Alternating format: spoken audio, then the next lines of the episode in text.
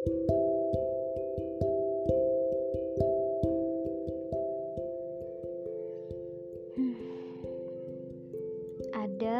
hari-hari di mana orang-orang yang tadinya begitu dekat denganmu selalu berbagi cerita denganmu atau bahkan pernah mendengarkan tangismu namun tak lagi hadir sebagai seseorang yang sama.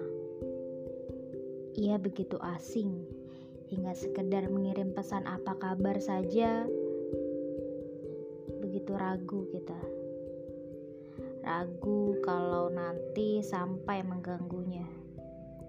Takut kalau ia marah atau tersinggung saat ingin menanyakan ke mana saja ya selama ini. Takut kalau ini semua adalah salahku sehingga kamu memilih untuk tiba-tiba menjauh dan hilang dari jangkauan. Nyatanya kehilanganmu membuat aku kebingungan. Rasanya aku ingin menawarkan sebuah perbincangan, tapi lagi-lagi aku takut kau merasa hanya membuang-buang waktu untuk itu. Jarak kita pada realitanya lebih jauh dari yang aku perkirakan.